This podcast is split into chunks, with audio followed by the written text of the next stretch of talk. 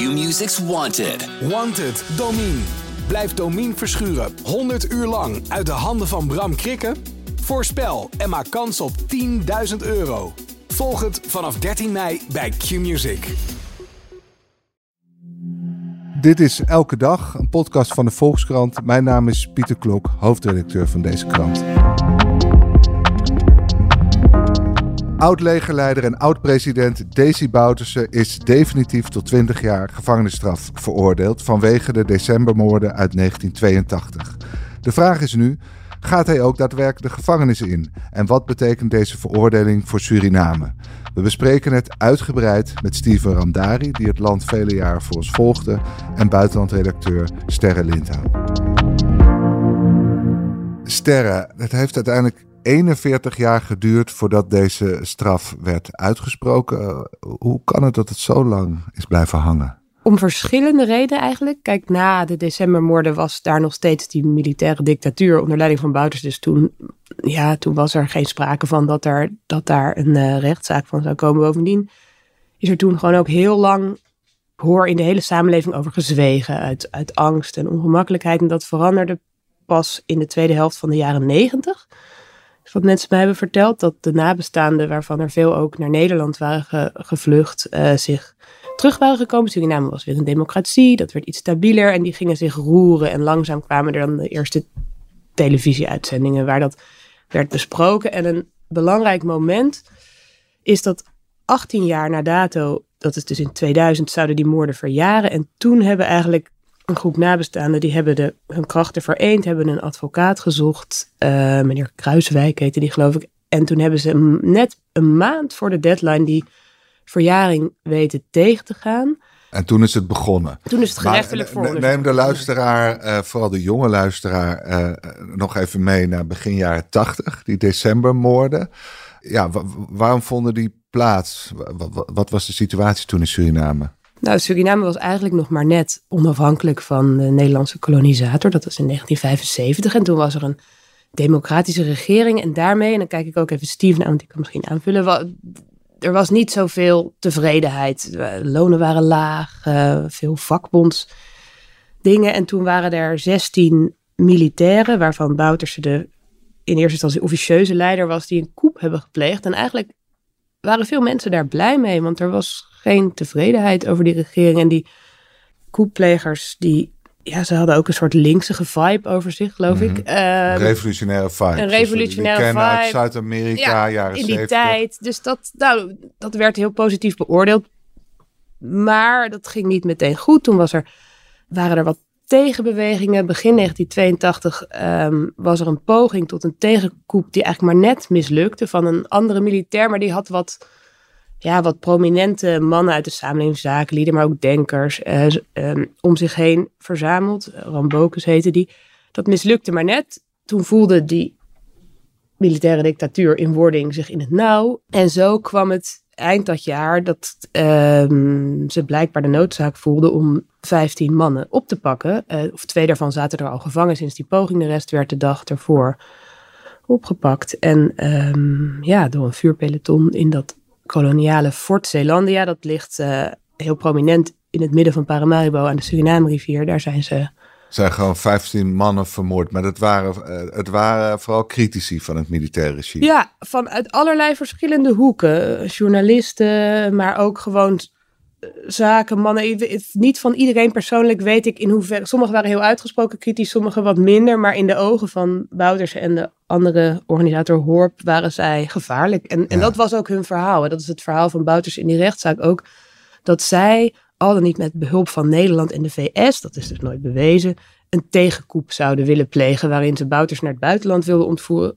Geloof ik. Dus hij had er een verhaal van gemaakt van ja, we, we moesten dit wel doen. Ja. Ehm, maar daar is nooit enig bewijs voor gevonden. Nee, nou ja, dat is in ieder geval in het vonnis van gisteren heeft de rechter dat nog eens heel duidelijk gezegd. En in de twee vorige vonnissen, want uh, van dat is, daar is geen enkel bewijs Nee, goed. En het, die nabestaanden hebben net voordat dit misdrijf zou verjaren, uh, zijn ze, uh, uiteindelijk hebben ze een zaak aangespannen. Maar toen heeft het nog heel lang geduurd. Nou, toen hebben ze dus het OM verplicht om met een gerechtelijk vooronderzoek te beginnen. En dat heeft heel veel voeten in aarde gehad. Nou ja, in eerste instantie al dat al die lijken moesten worden opgegraven. Een hele emotionele gebeurtenis en heel veel nabestaanden zijn er ook bij geweest. Het is natuurlijk vreselijk, al die mensen, dat, dat was al bekend. Maar voor mensen om dat dan te zien, dat was ontzettend gemarteld. Nou, vervolgens uh, moesten er heel veel getuigen worden gehoord. En dat heeft jaren geduurd, uh, tot 2007. Toen is uiteindelijk dat proces begonnen. Toen was Bouters nog geen president. Bouters werd in 2010 president en toen was het proces dus al drie jaar bezig. Mm Zijn partij, de NDP, die toen dus een meerderheid had in de Nationale Assemblée, het parlement van Suriname, heeft toen heel snel de amnestiewet laten veranderen, waardoor Bouters dus immuun was voor vervolging. Maar het proces ging door. En dat is een verdienste van die drie rechters, drie vrouwen trouwens, uh, van de krijgsraad. Dat is een, dus een speciaal voor dit proces samengestelde uh, constructie van een militaire rechtbank met civiele rechters. Dat is in Suriname nog nooit eerder gebeurd. En die hebben dus onder die hele moeilijke omstandigheden wel gezegd van, dat, ook al kan die niet worden veroordeeld, we gaan door met het proces. Maar het werd het, ze werden wel op alle mogelijke manieren tegengewerkt. Ook door de advocaat van Boutersen, wat in die zin een goede advocaat is, omdat hij 101 vertragingstechnieken uit de kast heeft gehaald. Dus, maar is het, die drie vrouwen zijn al die 13 jaar, vanaf 2010 tot nu, eh, nee. zijn die doorgegaan? Nee, het is al, nee tot het, die krijgsraad um, heeft het eerste vonnis uitgesproken ja. in 2019 waar tegen Bouterse verzet heeft aangetekend. Dat was ook 20 jaar, of was dat puur een schuldig verklaring? Nee, het was hetzelfde vonnis. Eigenlijk is dat vonnis van gisteren een bekrachtiging daarvan. Mm -hmm. En nou, eerst heeft hij verzet aangetekend. Dat is dan, twee jaar later was er weer een vonnis. Dat verzet was niet geldig verklaard. Toen is hij in hoger beroep gegaan. En als, toen hij in hoger beroep ging, moest, was het niet langer de krijgsraad die hem berechtte, maar het Hof van Justitie. Dat zijn de hoogste rechters, dus drie andere rechters die daarvoor uitgekozen waren. En die hebben uiteindelijk alles nog een keer uitgeplozen. Ja. Um, ook nog wat nieuwe getuigen gehoord, geloof ik, maar niet zoveel. Uh, vooral de afgelopen drie jaar, twee jaar. En nu, en, is, het, nu is het onontkoombaar en onherroepelijk. Ja. Ja. Oké. Okay. En op zich, uh, als je je bedenkt dat Suriname sinds 1975 bestaat, nog niet zo heel lang. Als je bedenkt dat, nou, dat ze lang werden geleid door een, uh, een, een legerleider en, en, en, iemand die later ook nog heel lang aan de macht was, is, is het toch eigenlijk dus wel een soort rechtsstatelijk wonder wat we hier zien? Ja, het, dat, is, dat is ook wat veel mensen, vooral nabestaanden, maar ook een beetje de vrij kleine intellectuele elite van Suriname zegt. En wat ook waarnemers van een uh, uh, internationale uh, rechts-NGO zeggen van dit is, dit is een enorme overwinning van de rechtsstaat in een, in een politiek niet zo sterke democratie. Nee, en, en ook in een tijd. Heel knap. En ook in een ja. tijd waar autocraten natuurlijk wereldwijd de rechtsstaat aan het uitkleden zijn, tot en met Israël aan toe, is ja. dit toch wel heel opvallend. Ja, bijna tegenbeweging. Is, is die van verrast jou die uitspraak ook? Nee, nee, in het geheel niet. vanaf het begin dat uh, het proces startte in 2007, was al duidelijk dat het deze kant op zou gaan. Het was alleen meer of de krijgsraad uiteindelijk de zaak zou afmaken, de gelegenheid zou krijgen om de zaak af te maken. Dat hebben ze gedaan. En het, het was al, al lang duidelijk gezien het bewijs dat is verzameld in zeven jaar tijd tijdens dat gerechtelijk vooronderzoek dat, uh, dat er een forse strafeis zou komen. Ja. En dat hij ook zou worden veroordeeld. Uh, heeft allerlei uh, verzinsels bedacht om aan te geven dat hij niet veroordeeld mag en kan worden. Ja. Onder andere het verzinsel dat hij op, in de nacht van 8 december niet aanwezig was in het fort toen die executies plaatsvonden. Hij zou zogenaamd bij zijn, bij zijn buitenvrouw zijn. Oké, okay. buitenvrouw kwam ineens heel goed uit. Ja, precies. Ja, inderdaad. En, maar dat is allemaal uh, uh, afgewezen door de krijgsraad. En uh, het bewijs dat in zeven jaar was verzameld door de huidige president, toen politiecommissaris Santokki, dat stond gewoon vast. Want hij speelde daar een centrale rol bij, Santokki? Santokki is de man die uh, als politiecommissaris uh, in 2000 uh, het gerechtelijk vooronderzoek leidde. Vanaf het begin? Vanaf eigenlijk. het begin. Hij is de man. Hij, hij heeft ook die, die lijken opgegraven. Hij heeft, ook, heeft het besluit genomen om die opgravingen te doen. En heeft gewoon zeven jaar, al die jaren volgehouden tot hij minister van Justitie werd. En heeft daarna ook ruimhartig het proces ondersteund. Ja. Eigenlijk wat je nu ziet is, Santoki moet nu het besluit gaan nemen om het finale hoofdstuk af te maken. Namelijk het besluit om, om Bouters te arresteren en gevangen te zetten. Maar gezien al het voorgaande is te verwachten dat hij dat wel gaat doen? Of? Dat is de grote vraag. De verwachting is uh, dat, hij, dat de regering het wel gaat doen. De vraag is wanneer. Ja. En op welke voorwaarden. Dit, dit, is een enorme stap. Het proces op zich was al een uh, enorme stap voor Suriname. Want je gaat een uh, oud legerleider die nog heel veel invloed heeft. de grootste partij in het parlement leiden. Die ga je berechten. Uiteindelijk heeft dat al die jaren geduurd. hij is veroordeeld, maar nu moet je het besluit gaan nemen om diezelfde man te arresteren en gevangen te zetten in Santa Boma, de, de, enige en grootste gevangenis van Suriname. Dat is geen pretje. Want ja, Bouterse is zijn luxe gewend en hij moet daar nu, net als zijn zoon trouwens, die daar ook vaak heeft gezeten voor drugshandel die moet daar nu eh, de vernedering ondergaan van ooit de legerleider. Een sterke man en nu... Eh, maar waar, waar is Santoki dan het meest bang voor, denk je, als hij, eh, als hij dat doet? De bedreigingen van, van de NDP-aanhang. Uh, Bouters heeft altijd uh, gezinspeeld op... kom niet aan me, want anders gebeurt er dit. Mhm. Hij ging zelfs zover om de, de Nederlanders in Suriname, de, vrij veel Nederlanders onder andere ook stagiairs, om die te bedreigen. Van, uh, uh, ik heb hem uh, in al die jaren een aantal keren gesproken. En toen zei hij ook van Nederland moet zich be bewust zijn van wat er kan gebeuren als, als ze iets tegen mij doen. Ja. En ook Nederlandse militairen trainen de afgelopen jaren bij Pikin Saron. Dat is mhm. het gebied in het binnenland waar hij zijn buitenverblijf heeft toen dat bekend werd, was meteen onder de NDP-aanhangers. Ze gaan hem uh, oppakken, ze gaan hem arresteren en uitleveren aan, aan, Nederland.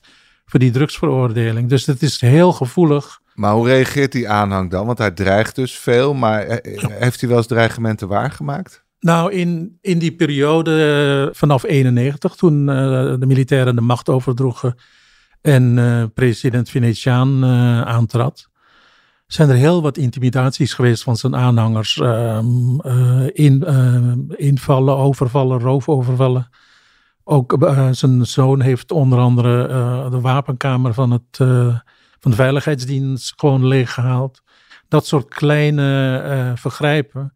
Maar ehm, de intimidatie was toen vrij, vrij groot. Ja. En de vraag is hoe ver zijn aanhang zal gaan. De aanhang bestaat uit gewone, gewone Surinamers, maar ook uit uh, ja, niet zo frisse jongens. Ja, Sterre, je hebt Santoki ook gesproken. Uh, wat denk jij dat hij gaat doen? Nou, ik vind het ook moeilijk in te schatten. Ik vind aan de ene kant vind ik het lastig om me voor te stellen dat iemand die hier zelf zo betrokken bij is geweest en ook, uh, ja, hij, zijn bijnaam was de sheriff. En die nu zo, hij is president, hij is een geplaagde president, niet populair vanwege de slechte economische toestand, dat hij niet doorzet. Dat hij nu zou zeggen, ik verleen je gratie als Bouterse erom vraagt. Aan de andere kant is het ook een angstige president, want hij weet wat voor poten er zit een enorm onrustpotentieel in de Surinaamse samenleving, omdat het economisch heel slecht gaat. De ontevredenheid met zijn regering is heel groot. Hij, regeert met Ronnie Brunswijk. Nou, ook niet het meest stabiele figuur, zacht uitgedrukt. Wat die zou eventueel kunnen oversteken, mm, Ronnie Brunswijk, als ja, het niet eens is. Ik denk dat in potentie, denk ik dat alles kan. Want ik heb toen ik daar was ook mensen horen zeggen... wie weet als de ze wel vastzetten. Ik denk, als ik zelf een inschatting moet geven, denk ik dat ze het wel doen. Dan ligt de weg ook vrij om voor, zo'n voor Santoki en zijn partij om eventueel met de partij van Bouters te regeren. Ik denk dat niks onmogelijk is als hij weg is. Maar ik vind het moeilijk, want, want uh, ik wil net toen Steven het had over die dreigementen uh, op die massabijeenkomsten die uh, de NDP vaak organiseert en waar Bouters ze dan eh, toch vaak op kon dragen. Daar draaiden ze ook vaak het liedje I Shot the Sheriff. En mhm. dat was dan zo verkapte dreiging aan het adres van Santokki. Dus er zit, zij worden al over en weer steken onder water. Maar, maar oké, dus dit is er toch een enorm dilemma voor Santokki. En het is de mensen eigen om dan te zoeken naar compromis. We kunnen ons herinneren dat Pablo Escobar, die werd volgens mij opgesloten in een enorme luxueuze villa. Op een gegeven moment is, is dat in het geval van Bouters ook nog denkbaar? eh? Mm, eh, ik acht het niet. In, dat is in Suriname nooit eerder vertoond dat iemand ehm, op die manier werd vastgezet. Als je wordt veroordeeld, dan ga je naar Santa Boma. En, Dat is gewoon eh, één optie. Het is maar één optie eh, en dat is eh, arresteren en eh, naar het gevang brengen. En dat acht ik uitgesloten dat ze een, een compromis gaan vinden om hem in zijn, zijn huis aan de Suriname rivier, om hem daar ehm, eh, nog twintig jaar te laten. Dat, dat, dat, ik, ik weet niet eens of dat ehm, juridisch kan. Nee, maar Dus, kan het ook nog dat er soort achter de schermen iets wordt uitonderhandeld van... joh, ga nou even naar die gevangenis en dan beloven wij dat we je na drie jaar gratie verlenen? Dat is een optie. Maar op zich is dat al een vernedering van Bouters, eh, eh, die stap om eh, ehm, eh, gevangen te worden gezet. Dat is voor hem al eh, ehm, eh, de grens. Dat doe je niet tegen Boutersen. Dus ehm, ik denk dat de sleutel ligt nu in handen bij eh Santokki. Die moet eventueel gratie gaan verlenen. Maar alleen is dat een heel proces waarbij de rechters geconsulteerd moeten worden. En eh, ik acht het uitgesloten dat deze rechters die hem hebben veroordeeld, dat zij ehm, eh, een positief eh, advies gaan geven. Dat is wel nodig, een positief advies van de rechters. Ehm, ja, het, uiteindelijk ligt het besluit bij Santokki, de president. Maar dat speelt een, een zware Maar en grote rol. Kan hij al gratie verlenen voordat Bouters ooit de gevangenis van binnen heeft gezien? Dat, dat kan. Dat, Ja. eh, ehm, dat, dat, dat, Gewoon dat- direct dat is naar de gewoon uitspraak zeggen, mooi, Ja, maar ja, ik verleen gratie. Goed. Ster- Sterre, heb jij, eh, we hebben het net, eh, nou, ja, wat dit voor de rechtsstaat betekent en de toch nog steeds vrij jonge democratie die Suriname is. Je bent er de afgelopen tijd een paar keer geweest. Hoe, hoe leeft het onder de bevolking? Was daar, keken die er op dezelfde manier tegenaan als een soort tex- test voor, de, voor, voor hun rechtsstaat? Of eh, z- zagen ze het vooral als een eh, onterechte aanval op een eh, geliefd partijleider? Allebei, maar ik denk dat de groep die dat die als, als een test voor de rechtsstaat ziet, getalsmatig kleiner is dan de groep die. Er is natuurlijk een grote groep die, die zegt: ja, we hebben hier wel andere problemen. En er is weinig historisch besef in het algemeen, ook omdat het onderwijs echt slecht is. Eh, weet ik na een paar scholen te hebben bezocht. Maar dan Maar- leren ze wel heel veel over de Nederlandse geschiedenis. Ja, maar niet hierover. Ook omdat dit natuurlijk nooit geschiedenis heeft kunnen worden. Want daarvoor is er toch wel een soort van maatschappelijk compromis nodig. Boven, nou, dat is er niet zo lang. Er is geen Bouters gemeenschappelijk verhaal. Nee, en niet een maatschappelijk verhaal over wie Bouters is en welke rol hij speelt. En er zijn schoolboeken waar dit wel in staat. Maar ik heb er een keer naar gevraagd. Toen zeiden ze dat wordt gewoon vaak niet behandeld. Want dat ligt dan te gevoelig. En veel jongeren hebben zoiets. Hebben A, een heel heel laag vertrouwen in leiders. Want als je kijkt, ja, ik bedoel, 50 jaar geleden was het een kolonie. Werden ze door, door de sterke mannen uit Nederland overheerst. Daarna militaire periode gehad. Een paar democratische regeringen die werkten. Niet al te veel welvaart. Dus er, er is gewoon het idee van, ja, al die politici die doen toch maar wat. Die zijn allemaal zo corrupt als wat.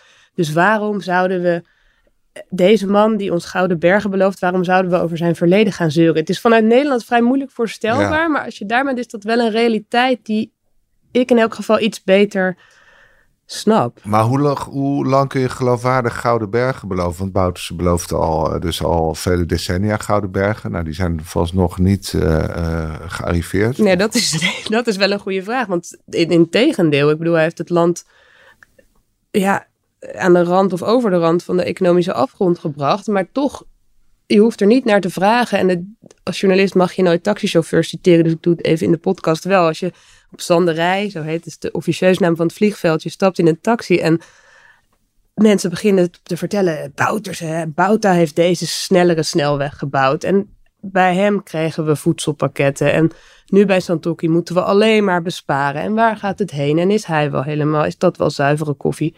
Is ook niet gezegd dat dat zo is.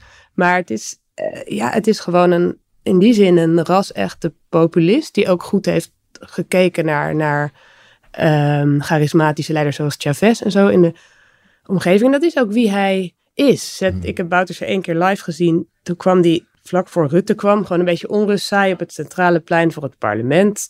Was aangekondigd. eerst het hele plein was leeg. Een stuk of tien mensen. Op een gegeven moment rijdt er een auto voor, komt een plastic stoel uit, Bouterse. En dan komen er een paar honderd mensen. En dan gaat hij gewoon met een biertje zitten vertellen. En dat kan hij heel goed. En Een iedereen hangt aan zijn lippen. Ja, een beetje zeuren. Dan komen er ijsjesverkopers. Ik kan de helft niet verstaan, omdat het in het gaan dan is. Maar het gaat ook wel vaak dan over Nederland. En na anderhalf uur gaat hij weer weg. En de mensen klappen en juichen. En, ja, en dat, dat heeft hij veel meer dan de huidige Ja. Steven, eh, jij hebt veel over Suriname geschreven. Je bent er heel vaak geweest. Je- bent er ook geboren en in begin jaren zeventig Ja. eh, uiteindelijk naar Nederland gekomen. Heb jij die populariteit van Bouterse ooit goed begrepen? Ja, kijk, in Suriname. ehm Bouterse heeft zich altijd afgezet eh, met die koep ook tegen de oude politiek. De oude politiek ehm, eh, van oude politieke partijen. Die op etnische basis waren eh, geschoeid. Eh, een partij voor Kriolen, een partij voor Hindustanen, een partij voor nou, Javanen. En die oude politiek wilde hij mee afrekenen met, met, die, met die staatsgreep. Steeds kwam, was er een combinatie van Krioolse en Hindustaanse volkspartijen. En die regeerden het land. En deze jongens, jonge eh, sergeanten, die wilden daar een eind aan maken met die kop.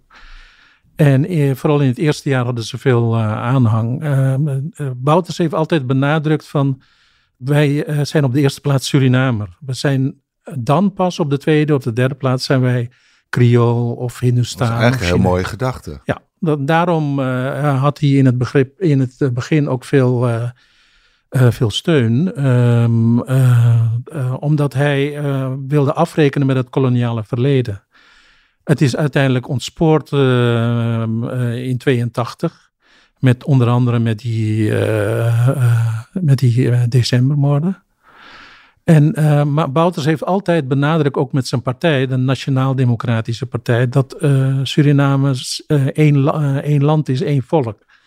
En ehm, eh, de, NDP is ook de enige partij waarbij je ziet dat Kriolen en, en gewoon eh, op al die massameetings Ja, gewoon samen bij elkaar zijn. nee. Maar om terug te komen op die vraag van Bouters de populist.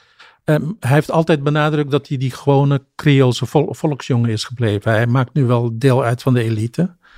Maar ehm, overal waar je komt, eh, als die verschijnt, ehm, hij omhelst eh, eh, mensen. Iedereen schudt hij de hand. Hij benadrukt dat hij ooit die arme Creoolse volksjongen was.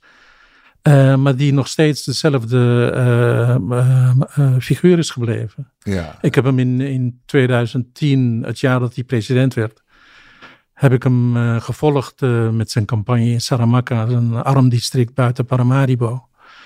En in, in één dag of in één uur zie je al ehm, eh, hoe mensen tegen hem opkijken en bewonderen. Ehm, eh, hij stopte toen bij een, eh, een supermarktje, ging toen zitten en zei toen van wie haalt een eh, biertje voor me? En meteen zag je allerlei mensen van alle eh, straten op, op hem afkomen. ja. En ehm, een van de mensen was een, een Hindustaanse vrouw. En die, die begon spontaan te huilen. Die zei van, ik heb u altijd willen bedanken. Omdat u mijn moeder een, na de koep een stuk grond heeft gegeven. En eh, sinds, eh, sinds ik kon stemmen heb ik altijd op u gestemd. Want onder de oude politiek kregen wij arme mensen nooit een stuk grond van de regering. Maar u, u pleegde die koep en wij kregen dat stukje grond. En mijn eh, moeder heeft daar dat huis gebouwd. En nou, dit soort voorbeelden ehm, eh, geven aan waarom die partij van hem nog steeds eh, een van de grootste partijen van het land is. Ja, wa- want Ster, hij doet mee aan verkiezingen. En eh, gaat hij dat de, bij de komende verkiezingen weer doen? En doet hij dat dan zelf of heeft hij al opvolgers klaarstaan? Hoe, hoe, hoe sterk is die beweging? Zijn partij wel. Eh dit, is niet, dit is niet uitgesproken of hij dat zelf gaat doen. Dat lijkt mij eigenlijk sterk. Hij is wel nog voorzitter van die partij. Ehm, dus het is, niet, het is zeker niet uitgesloten. Maar hij is niet, ook niet in al te goede gezondheid. Maar hij is wel natuurlijk, wat hij ook is, hij is een trekker. En bij wat Steven net zei, de huidige president Santokki heeft echt een charisma-probleem. Plus, en dat is dan toch ook wel volgens mij een beetje langs de etnische band.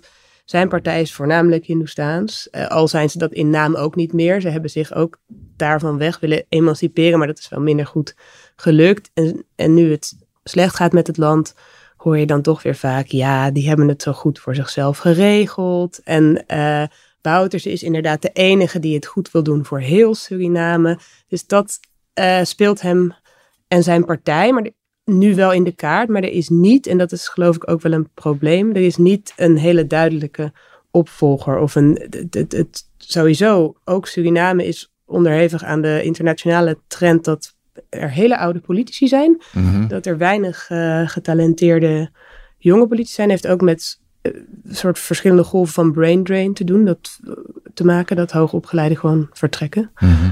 Um, dus daarom zijn, ja, Santokki is ook vrij oud. Um, is dat onduidelijk, maar zijn partij gaat in 2025 zeker meedoen. Ja, goed stel, je zei het al, het is een, een, een ja, misschien wel een minderheid die dit vonnis hartstochtelijk toejuicht.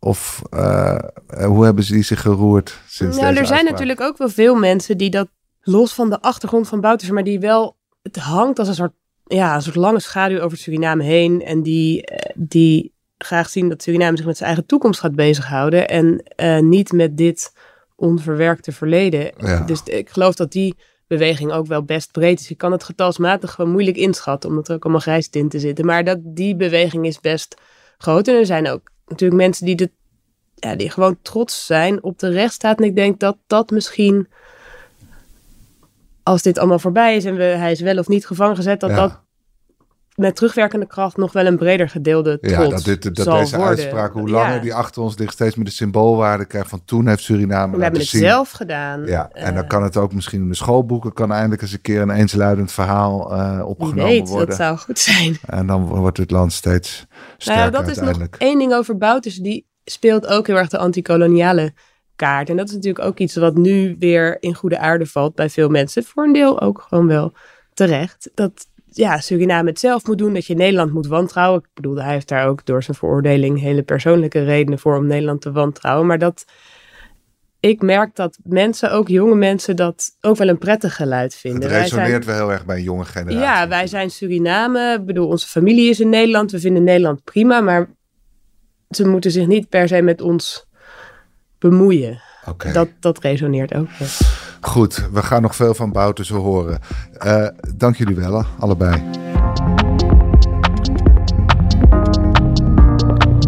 En u luisteraar, dank voor het luisteren naar de Volksstand Elke Dag. Deze aflevering werd gemaakt door Lotte Grimbergen, Julia van Alem en Rinky Bartels. Wilt u de Volkskrant steunen? Dat kan, vooral door een abonnement te nemen. En dat kan u voordelig via volkskrant.nl slash podcastactie. Want deze podcast is gratis, maar onze journalistiek is dat niet. Morgen zijn we er weer. Tot dan. Q-Music's Wanted. Wanted, Domine. Blijf Domine verschuren 100 uur lang uit de handen van Bram Krikken? Voorspel en maak kans op 10.000 euro. Volg het vanaf 13 mei bij Q-Music.